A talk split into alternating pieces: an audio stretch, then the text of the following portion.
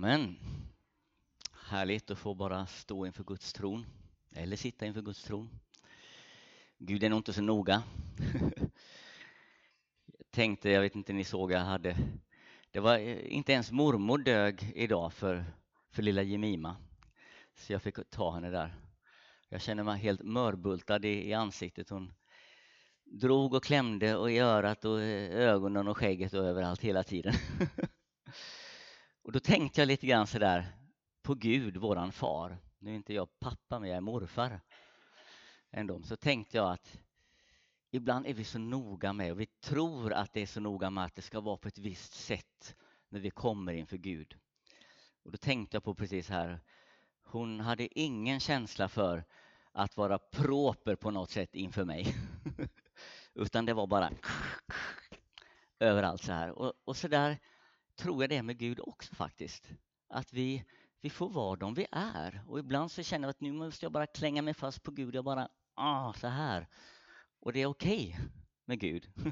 vi kanske skulle vara lite mer sådär, känna oss fria att vi, vi får vara Guds barn och vi får vara de vi är och vi får ge uttryck på det sättet som vi just nu känner.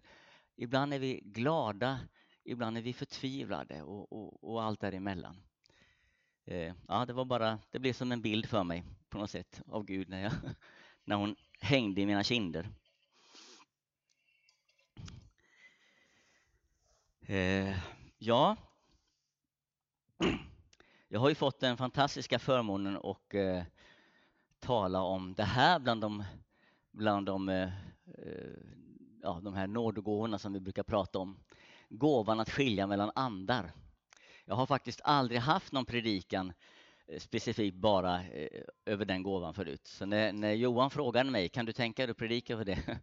Så bara, eh, oj, tänkte jag först. Liksom, ehm, ja, jag vet inte om jag är så jätte liksom, duktig på det, eller inne i det på något sätt. Så det kändes lite, jag sa, kan jag få lite tid, lite betänketid?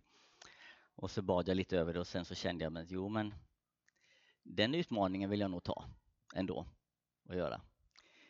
Eh, och jag har känt när jag har förberett det så här, för att jag, jag kan ju säga att jag är definitivt känner mig, def, det är jag ju inte i, någon, i något ämne, men jag känner mig definitivt inte som någon proffs i det här ämnet eller väldigt erfaren som kan stå här och, och berätta för er precis hur den här gåvan fungerar och hur man, hur man fungerar i den och, och hur allting är just i det här. Men, men vad som har slagit mig väldigt mycket och som jag ska försöka få ut lite grann av den här predikan också, det är att, att jag tror att vi många gånger i Guds församling, vi, vi, vi gör ibland de här sakerna, förstå mig rätt när jag säger lite för stort.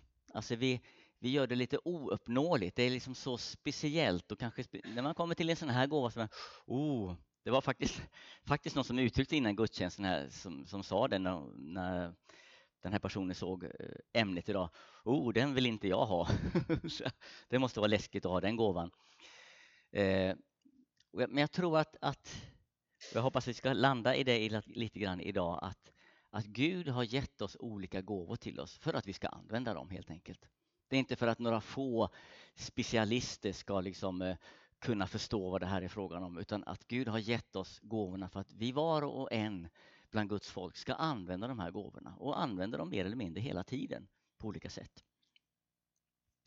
Men vi ska börja med att läsa eh, första Korintierbrevet som vi säkert har gjort förut under den här serien. 12, kapitel 12. Och så ska vi läsa de 12, de 11 första verserna. Är det inte högt nog? Ja, är det den som är?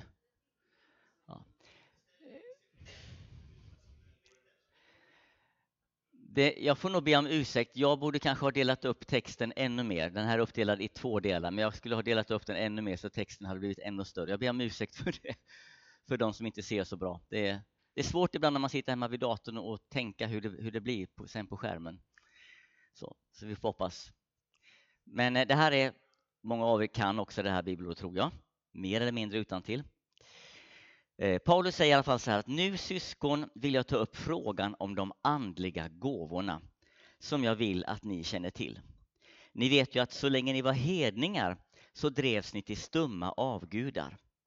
Därför vill jag att ni nu ska inse att ingen som talar genom Guds ande kan förbanna Jesus och ingen som inte är fylld av helig ande kan bekänna att Jesus är Herre. Det finns olika nådegåvor. Anden är en och densamme. Det finns olika tjänster, men en och samma Herre. Uppgifterna är olika, men det är samma Gud som verkar i allt och i alla. Hos var och en manifesterar sig Anden så att den blir till det gemensamma bästa. En får av Anden vishetens ord, en annan får av samma ande förmågan att meddela kunskap.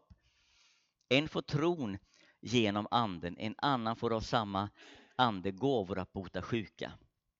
Och en får kraft att göra under. En får förmågan att profetera, en förmågan att bedöma olika andar.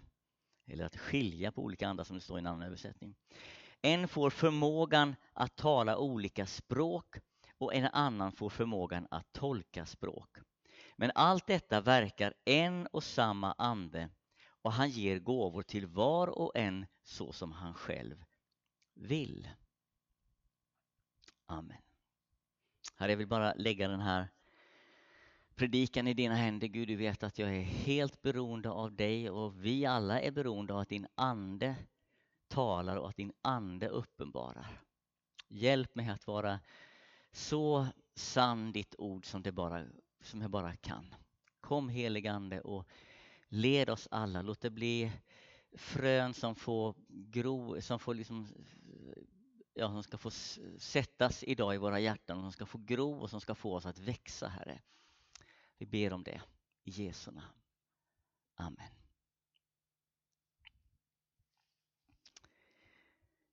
Ja, ett par grundtankar kring det här, hela det här ordet. Det första så skulle jag lägga som en grundtanke att de andliga gåvorna, de är ju i den heliga Ande. Så långt jag kan förstå så är gåvorna en del i och en del av den heliga Ande själv. Vi kan alltså inte särskilja den heliga Ande och gåvorna. Alltså ingen som har som tror sig ha den heliga Ande kan säga ja men jag har inte någon av gåvorna. Nej, jag har det. Jo, jag tror jag är fylld med Ande men jag har inte någon av gåvorna.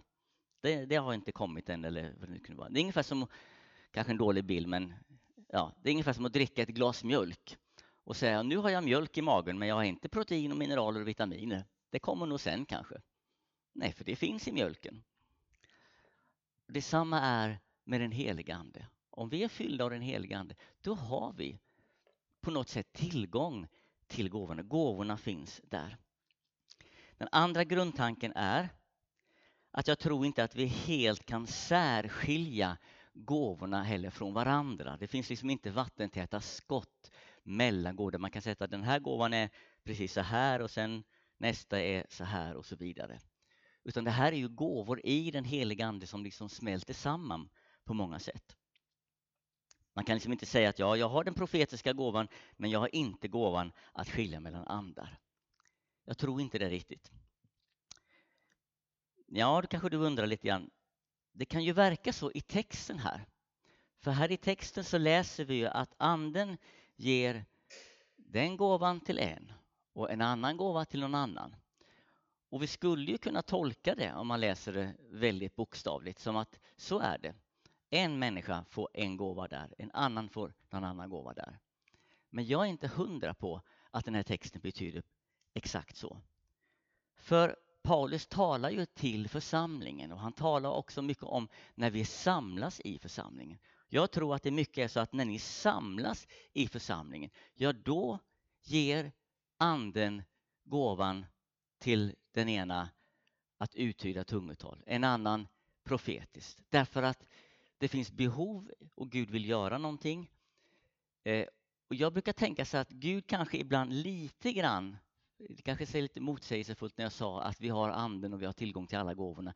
Att Gud också begränsar oss lite grann i de andliga gåvorna. Jag ska förklara vad jag menar. Om jag trodde och visste att jag har alla de andliga gåvorna alltid, överallt. de fungerar jag i och jag fungerar i dem perfekt. Då skulle ju inte Gud behöva någon annan av oss, eller hur? Då kan jag stå här och ha en enmansshow för er och så kan jag bara liksom hålla på här med, med de andliga gåvorna och liksom bara betjäna allihopa här. Och så vill inte Gud ha det. Och det tror jag om ni kommer ihåg när jag predikade om, om Kristi kropp, om församlingen, vad är det för någonting? Det är att alla lämnar varandra till tjänst. Så jag tror mycket vad Paulus är ute efter att visa att när vi möts tillsammans, då ger han någonting till dig, han ger någonting till dig, han ger någonting till dig. Olika, för att vi tillsammans ska få vara med och tjäna och betjäna varandra. Okej. Okay. Men, vill jag säga nu då, men vi är ju inte alltid tillsammans som församling, eller hur? Ibland är vi ju ensamma. Vi är ute i vår vardag, på vår arbetsplats, i vårt grannskap där vi kanske är ensamma kristna. Jag tror inte kanske att, på min, att jag på min arbetsplats kan, kan säga till någon där att Ja, ursäkta att du har huvudvärk nu, men jag har bara gåvan att kunna profetera och jag har inte fått gåvan att, att be för sjuka, så jag kan tyvärr inte hjälpa dig. Jag tror inte att det fungerar så. Utan då har jag ju anden och jag har de, tillgång till de andliga nådegåvorna i mitt liv, i min tjänst, i min, i min vardag. Hänger ni med hur jag tänker? Nej, jo, några. Okej, vad bra. Det är alltid skönt att få lite medhåll, men man får ju vara beredd på det andra också. ja, jag tror det. Jag, brukar, jag tänkte som att det är ungefär som snickaren. När snickaren åker ut till jobb, han har med sig hela verktygslådan. Han tar inte med sig halva, han plockar liksom inte ur massa verktyg och så kommer han med några verktyg. Utan han har med sig hela sin verktygslåda. Ja, åker han till ett jobb där de jobbar i lag, då kanske han inte använder alla sina verktyg. För han kanske, han kanske är lite specialiserad på något sätt ändå, är lite trygg med vissa verktyg och mindre trygg med andra verktyg. Och så finns det andra som, som är tryggare med andra verktyg och så samarbetar de. Men han kan ju också åka ut på ett eget jobb, renovera en lägenhet till exempel, någonting som han gör själv. Och då har han med sig hela sin verktygslåda. Och även om han får ibland måste använda de där verktygen som han inte är riktigt lika van vid och lika trygg med, så vet han ju att ja, men jag har alla de här verktygen och nu måste jag använda dem. Jag tror att det är lite grann så också med anden, andens eh, gåvor i våra liv. Mm. Andens nådegåvor som, som sagt är ju från samma ande, det läste vi här. Samma Gud, samma Herre, samma ande. Och jag tror faktiskt att vi, du och jag, fungerar och ska säga, opererar utifrån de här olika gåvorna många gånger utan att vi ens vet om det. Det står ingenstans att vi alltid måste vara fullt medvetna om det. Det är överhuvudtaget det här du vet att vi, att vi, vi ber på morgonen när vi går till jobbet att vi ska få utstråla Guds, Guds härlighet på något sätt och, och så går vi till jobbet och vi kanske inte alls vet om eller känner det som att vi gör det men ändå gör vi det. Och jag tror att, att många gånger så fungerar vi kanske i olika gåvor fast vi inte ens märker det.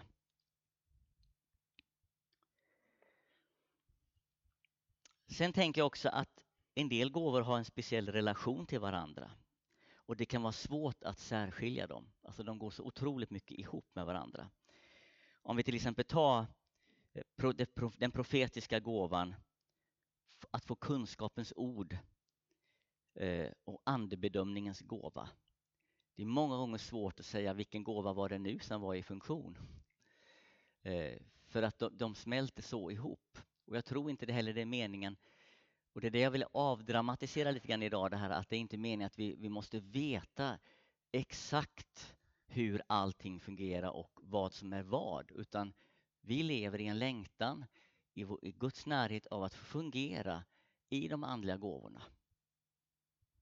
Det viktigaste är inte att vi vet att nu var det den gåvan eller nu var det den gåvan, men att vi är öppna för att få fungera i gåvorna. Okej, okay, det var lite grann allmänt kanske då. Eh, men nu vill jag börja med att tala lite grann om gåvan att skilja mellan andar. Jag tänkte att ibland har vi pratat om att vi ska försöka ha, eller jag har alltid tänkt så att jag vill ha lite förklarande predikningar så att, så att även nya människor kan hänga med. Och ibland glöm, ska jag ärligt erkänna att jag glömmer bort det. Och inför idag, jag kom på det här, jag tror här, när jag kom hit så kom jag på att ja, men vi kanske måste förklara vad, vad är det här med andar överhuvudtaget? Jag ska bara göra det jätte, jättekort. eh, därför att det är så olika, även till och med i, i vissa kristna sammanhang så, så är man inte så pigg på att prata om andar överhuvudtaget eller kanske ibland inte ens tror på onda andar till exempel, på demoner. Vi tänker att det är någon slags som en gammal företeelse, okej okay, det skedde på Jesu tid. Och det kanske sker i Afrika. Eh, vi har en vän i Indien, han har varit här förresten ett par gånger och predikat här, Gabriel.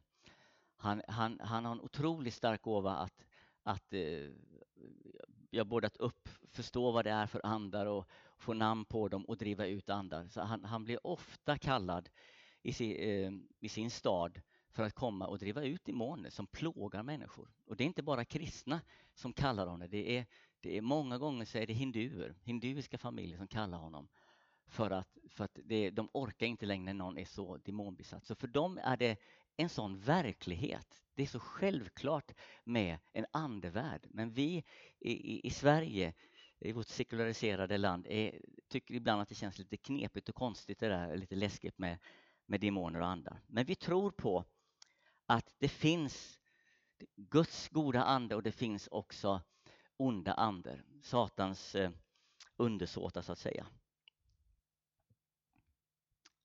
Ja, och då kommer jag till frågan, varför behöver vi gåvan till att kunna skilja mellan andar eller bedöma andar? Varför behöver vi den? Jo, för att vi lever i en andlig verklighet. Och det gör vi alla. Vi lever i en andlig verklighet. Vi kan titta på vad vi läste faktiskt här i början. Det säger Paulus, ni vet ju att så länge ni var hedningar så drevs ni till stumma avgudar. På ett annat ställe så förklarar Paulus det där med avgudar. Han säger avgudar är ju ingenting annat än demoner. Han säger att så länge ni var hedningar, alltså så länge ni inte var frälsta, så länge ni inte var födda på nytt, ja då drevs ni Alltså det var någonting som drev, vad var det? det var någon ande som drev dem till de stumma avgudarna. Så det här är liksom basic på något sätt. Så är det för alla människor. Vi är på något sätt, på ett eller annat sätt, så är vi påverkade av den andliga världen. Då ska vi lägga till tre bibelställen som svar på den här frågan varför vi behöver gåvan att skilja mellan andar. Och då går vi till Efesierbrevet 6, 10-12. Efesierbrevet 6, 10-12.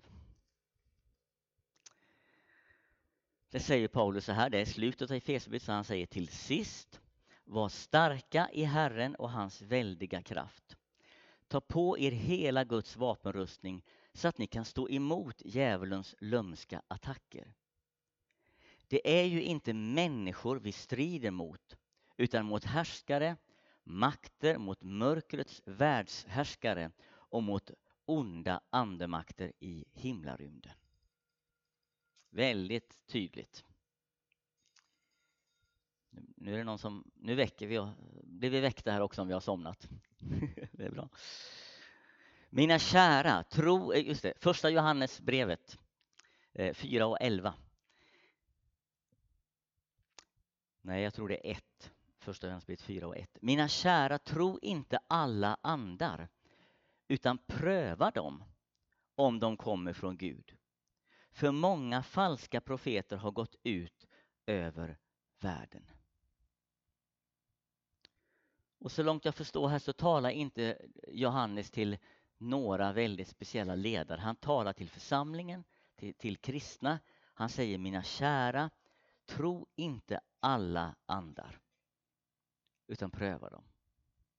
Alltså, han tar för givet att vi kommer att möta på saker och ting som har en ande bakom sig. God eller ond? Andra Korintierbrevet 11, 13 till 15. De är nämligen falska apostlar. Han pratar om, om sådana som har smugit sig in i församlingen och börjar förkunna ett, som Paulus säger, ett annat evangelium än vad han har förkunnat. Så säger han, eh, de är nämligen falska apostlar, bedrägliga arbetare som framträder som Kristi apostlar. Men det är inget att förvåna sig över. Satan själv förklär ju sig till en ljusets ängel. Därför är det inte konstigt om hans tjänare också låtsas vara rättfärdighetens tjänare.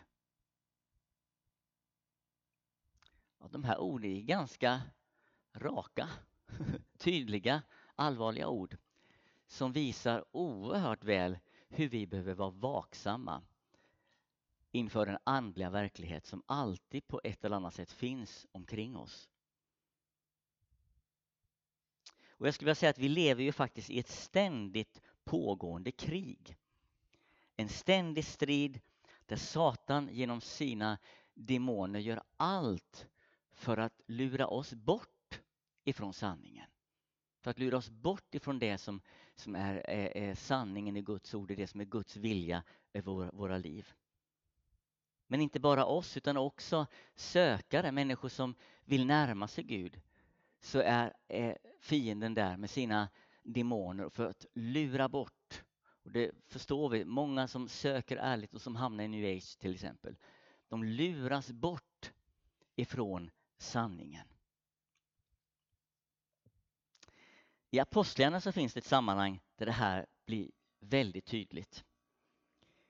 Eh, det här att Satan förklär sig till en ljusets ängel. Till och med talar sanning fast det är demoniskt. Visst är det lite märkligt egentligen? Talar sanning fast det är demoniskt. Och det är eh, Paulus när de är på en plats, kommer inte ihåg på vad det var, men det står så här, många av er känner igen den här eh, situationen i Apostlagärningarna 16, 16-18. När vi en dag var på väg till bönestället mötte vi en slavflicka som var besatt av en spårdomsande. Hon kunde spå och drog in mycket pengar åt sina ägare. Flickan följde efter Paulus och oss andra och ropade De här männen är den högste Gudens tjänare och förkunnar för er vägen till räddning. Wow! Härligt budskap, eller hur? Detta upprepades dagligen tills Paulus en dag blev så upprörd att han vände sig om och sa till anden I Jesu Kristi namn befaller jag dig att fara ut ur henne och genast lämnade anden henne. Jag vet inte, det är väl ingen av oss som vet riktigt om det här var solklart för Paulus första dagen på en gång. Vad, vad, vad hon hade i sig. Jag, jag, vet inte, man kan ju tänka sig att han var så, så känslig och så att han förstod det direkt men hade tålamod med henne på något sätt. Eller så fick han pröva det lite grann ett tag, jag vet inte. Men det gick i alla fall några dagar innan han liksom tröttnade. Eh, till slut var han i alla fall övertygad om att det här var en spårdomsande och då var det liksom bara ut i Jesu namn. Och, och den fick gå. Hon talade ju faktiskt sanning, den här kvinnan. Och jag tänkte lite grann så här att det skulle inte vara osannolikt för att jag tycker vi får inte upphöja människor i den bibliska världen för mycket heller tänker jag. Så jag tänker att det skulle inte vara osannolikt att det fanns medarbetare eller vänner till Paulus som inte såg så där djupt som Paulus såg och så tydligt. Som kanske till och med försökte övertala Paulus. Men Paulus, hon är nog kristen. Jag menar, hon profeterar ju. Hon säger ju sanningen vilka vi är. Liksom kanske försökte övertala på, jag vet inte, det står inte. Jag bara fantiserar lite grann. Jag bara tänker att att det skulle kunna vara fullt möjligt. Eftersom vi läste här att Satan förklär sig till en ljusets ängel för att försöka lura bort oss. För att försöka lura oss. Så det kan ju vara faktiskt väldigt lurigt. Och därför, tänker jag, så oerhört viktigt att vi alltid lever nära Guds hjärta.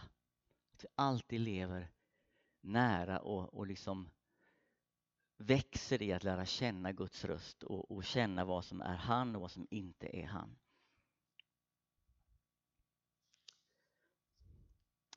Hur ska vi då gå tillväga för att bedöma anden i fråga? är ju en fråga. Ja, som sagt jag är inte någon expert på det här. Men några tankar har jag som ni får pröva. Det allra första, det har vi sagt från den här talarstolen nu väldigt, väldigt ofta. Johan säger det väldigt ofta. Eh, så måste det stämma med Guds ord. Det som sägs måste alltid stämma med Guds ord. Och det kan du göra. Det gjorde det här med den här flickan till exempel. Ja, då får vi... Hur är näst, vad är nästa steg? Jag vet inte, vi kan vara olika, men för mig ändå, ändå handlar det väldigt mycket hur det känns här inne. Hur känner jag det här inne när jag möter kanske en person eller någonting som, som säger saker som låter väldigt fint, som låter väldigt rätt men som men jag får en orolig känsla. Jag får inte frid över det jag möter. Jag upplever att det är någonting som inte är som det ska. Och jag tror att det är väldigt mycket så, bland annat, som vi prövar. Eh, om det är en Eh, Guds ande eller om det är någon annan ande. Kan vi känna frid? Kan jag känna frid i min ande tillsammans med Gud över det här? Eh, en sak som jag tror ibland kanske kan behöva att jag behöver ransaka mig själv. Tänk om det är någon människa som kommer och säger saker och ting. Jag kan behöva ställa ett antal frågor till mig själv. Tycker jag inte om den här personen? Om jag har någonting väldigt emot den här personen, då är det ju lätt att jag väldigt lätt vill demonisera på något sätt det här fast det kanske inte jag skulle göra det. Hur känner jag inför den här personen? Är jag avundsjuk på honom eller henne? Är han eller hon ett hot mot mig på något sätt? Det kan ju vara bra liksom att röja undan sådana frågor och, och, tankar bara så att jag känner att ja, men nej, det är, helt, det är helt klart där. Det finns ingenting sånt. Sen handlar det såklart att be. Att be över det man möter. Be om kunskap, be om vishet, be om uppenbarelse. Och frågan är hur mycket engagemang och tid av bön jag behöver. Det, det beror ju kanske väldigt mycket på allvaret i situationen. Det kan bero på, handlar det här bara om den här personen? Eller är det här någonting som kan drabba flera? Jag ska ta ett exempel om det snart. Eller kan det utsätta en hel församling för skada? Ja, då ska vi för det första inte bara vara ensam om den här prövningen. Då ska vi ju vara flera, gärna många, som känner Gud, som tillsammans prövar det och som kan bekräfta varandra. Jag ska berätta ett par, ett par eh, tillfällen då, eh, då jag har mött det här eh, kan inte stå här och säga att jag upplevde att det var en sån här ande, den hette så och så vidare. Men då jag fick en väldig oro, då det kändes väldigt fel. Det var många, många år sedan. Båda de här eh, eh, berättelserna är för väldigt, väldigt länge sedan. Det var en kille som, som kom och jag minns inte nu om han, en ung kille, om han blev frälst i vårt sammanhang eller om han hade blivit frälst precis och kom in. Jag, jag minns inte, han var väldigt ny, han hade varit eh, haft stora problem i sitt liv tidigare. Eh, och han liksom tyckte man blev väldigt tänd på en gång för Gud liksom och, och liksom tog till sig allt och, och liksom eh, och på en gång lyckades låta precis som han hade varit kristen i väldigt länge. Han, han lärde sig väldigt snabbt hur man skulle formulera sig, hur man skulle vara som kristen och så vidare. Eh, just till det där yttre och hur det låter och så. Eh, och jag kände många gånger, eller jag kände gång på gång en oro För jag kände att det här, det här stämmer inte riktigt. Det är någonting i den här killen som inte... Det, det här är inte riktigt som det ser ut liksom att vara.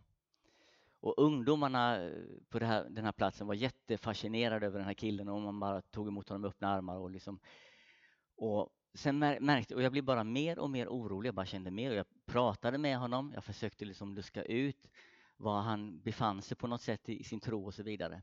Men jag kände bara en större och större oro. Det kändes väldigt, väldigt eh, ja, otäckt skulle jag faktiskt vilja säga med den här killen. Eh, till slut så upptäckte vi hur han var på väg och han lyckades med en tjej. Eh, att liksom bedra henne sexuellt. Och det visade sig sen att han, han var liksom på gång och, och, och försökte få den ena efter den andra bland, ungdomar, bland tjejerna bland ungdomarna för han skulle ha sex med dem. Det var liksom, det blev mer och mer tydligt att det var det han var ute efter. Eh, så att mer och mer började min känsla bekräftas att det här är no det här som jag kände att det här är inte rätt med honom. Jag hade önskat att jag kanske hade kunnat vara snabbare med att förstå det här och våga men särskilt när man är ung, man är inte så kaxig att bara liksom säga att jag tror att det är det här och liksom göra någonting åt det. Men i alla fall så, så gjorde jag vad jag tyckte var viktigt, det var att börja be väldigt, väldigt mycket över det. Jag bad oerhört mycket hemma och frågade Gud, vad ska vi göra? Han, han kan inte, vi kan inte låta honom komma längre, det går inte. Vad ska vi göra? Och jag pratade med en i församlingsledningen och, och eh, vi började prata om att, att, vi, måste, vi måste helt enkelt porta honom och, och utesluta honom för han hade redan blivit medlem i församlingen. Och jag tyckte det var jätteläskigt men jag bad jättemycket och bad och bad och till slut så fick jag på, vid två olika tillfällen eh, två bibelord eh, som bara var det var så tydligt så att det fanns ingen tvekan hos mig längre. Eh, att, att det var det rätta att vi skulle göra det, så vi gjorde det. Vi, vi utslöt honom, han fick inte komma tillbaka. Men det var tufft. Och det kunde ha blivit väldigt tufft efteråt för det dröjde inte så jättelänge förrän vi fick höra att han hade tagit livet av sig, den här killen. Och hade jag inte varit säker på att det var Guds ande som hade lett mig och lett oss till det vi gjorde så hade det kunnat bli hade det förmodligen blivit väldigt, väldigt jobbigt. Och då hade jag fått skuldkänslor och känt att är det mitt fel att han inte orkade leva? Men jag hade full frid hela tiden. Gud lät mig få ha den friden. En annan man på en plats, eh, inte en kille, en lite äldre man, som eh, eh, jag upplevde många gånger när jag bara mötte honom och pratade med honom så kände jag på något sätt att det är någonting som inte stämmer. Han försökte också verka väldigt andlig. Eh, men jag bara kände hela tiden en sån oro. Kände som att det är någonting som inte stämmer med den här mannen. Han, han visste hur han skulle föra sig och han, han var uppvuxen i kristet hem och han har varit med i församlingen många, många år och så vidare. Eh, så han, han, kunde det här och jag märkte mer och mer hur han eh, försökte liksom att kanske komma in i, i ledningen i församlingen. Och man började prata i ledningen i församlingen om, om eh, att man kanske skulle ta in honom i ledarskapet. Så att jag var tvungen att prata med någon där i ledningen om, om det hela. Eh, hur jag kände det. Och eh, det blev aldrig så att han blev invald i ledarskapet. Men det dröjde inte så länge sedan efteråt förrän det blev avslöjat hur den här mannen hade levt i kanske flera år, kanske, jag vet inte, jag vågar inte säga många, men i flera år hade han levt i olika otrohetsaffärer hela tiden mot sin fru. Eh, så att, och till slut blev det här offentligt, annars hade jag inte berättat det för er nu, för det blev också offentligt till slut att, att det var så. Eh, och då kände jag ändå bekräftelse att, att det jag hade känt ändå var, det var rätt. Det var någonting i, i min ande som, som kände att det var någonting hos honom som inte, inte stämde. Eh, ja, ett par exempel. Jag säger inte det här för att säga att här ser ni en som kan det här. Verkligen inte. Jag känner mig jätte, jätteliten i det och jag har inte sedan dess kanske upplevt det så tydligt heller på många, många år. Eh, väldigt tidigt i den första församlingen så fick apostlarna känna på det här, kanske framförallt Petrus ser vi, på de här gåvorna. I första, i Apostlagärningarna 5 till exempel, så fick Petrus övernaturlig eh, kunskap. Han kände in när Ananias och Safira kom och skulle lämna pengar till församlingen. Så gjorde de sken av att det var, de hade sålt en egendom och de gjorde sken av att, att det här var allt som de lämnade. Det var inte så att de var tvungna att lämna allt. Det var inte det det handlade om, utan de gjorde sken av det. Det fanns en, en lögnens ande i deras liv. Och det här såg Petrus. På en gång såg han det här. Uh, ja, och det blev en liten drastisk slutkläm på den historien. Och det kan man fråga sig, var det, var det andebedömningens gåva eller var det kunskapens ord? Var han profetisk? Ja, det var någon mix. Jag tror inte vi behöver veta exakt vad det var. Lite senare så möter Petrus och de andra en man som vill köpa den heliga Ande som gåva. Han blir så fascinerad över hur de kan eh, utföra under och tecken i Jesu namn så han vill köpa den här gåvan. Och då säger Eh, Petrus så här, både du och dina pengar ska gå förlorade om du tror man kan köpa Guds gåva.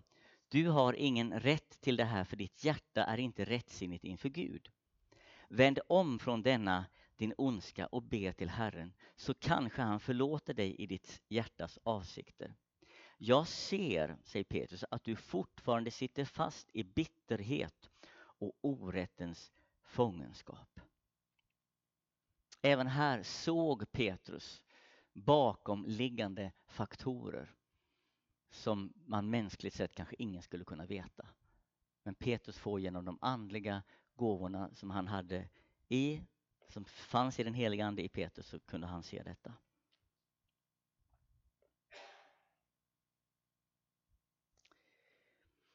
Vad är det viktigaste jag vill att vi får med oss ifrån den här predikan? Jo, det är att leva nära Gud. Det är inte så att nu så ska vi försöka att specialisera oss här på en gåva och vi ska liksom skickliggöra oss på en speciell gåva. Det är inte det i första hand det är frågan om.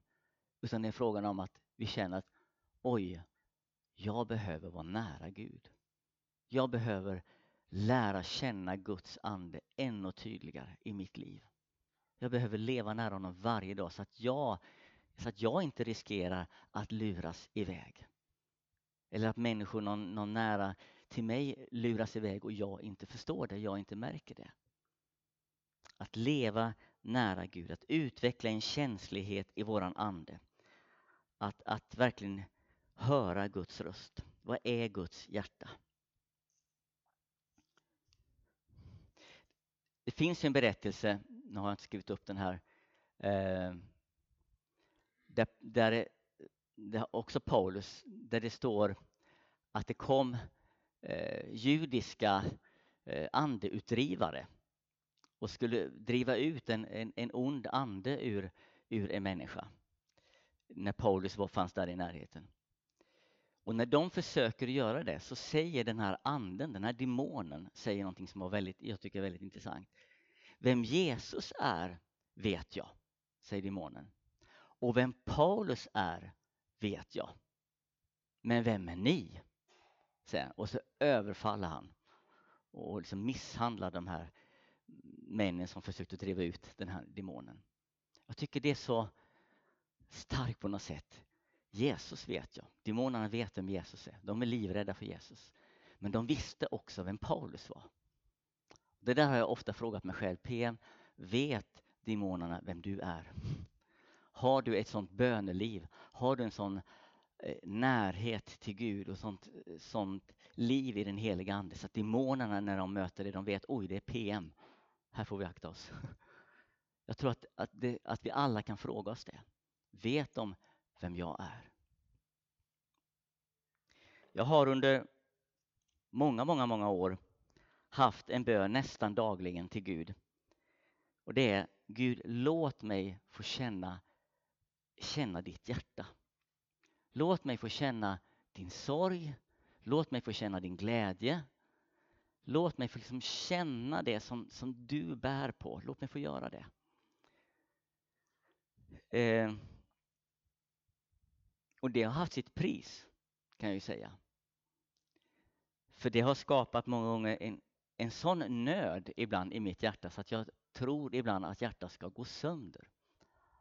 Jag vet inte riktigt vad jag ska ta vägen för det känns som hela mitt inre vill liksom bara ja, gå i tu. Men jag, jag har ändå bestämt, fast att det är jobbigt, att ja, men är det, är det för att Gud visar sitt krossade hjärta för, för vissa saker, då, då, då får det vara så. Då vill jag vara med. Då vill jag också få dela det. Givetvis att det ska leda till någonting, att det ska leda till att jag ber för, för det jag har nöd för och, och, och kan förhoppningsvis handla någonting i det. Men det är värt sitt pris vill jag säga. Det är värt sitt pris att, att, att be den bönen. Gud visa mig ditt hjärta. Låt mig alltid känna in i min ande vad som finns i dig men också såklart vad som finns runt omkring mig om det är någonting som du vill varna mig för. Amen. Jesus, tack för att du är här. Och jag vill bara få uttrycka att vi är så beroende av dig. Herre, jag vill få erkänna här inför allihopa att jag kan inte det här. Gud, jag står inte här som någon som har lärt mig och är på något sätt kunnig eller liksom har kommit långt eller något sånt. Herre, jag bara känner ett jättebehov av att få vara nära dig så att när jag behöver så, så kan jag känna in och jag kan få vara med och fungera i de gåvor som du har gett och lagt ner i mig och lagt ner i den, som finns i den heliga Ande i mig. Och jag ber för oss alla den här dagen. Gud, att någonting av det jag har sagt ska beröra oss, framförallt till att det drar oss närmre dig. Att det drar oss närmre till ditt hjärta.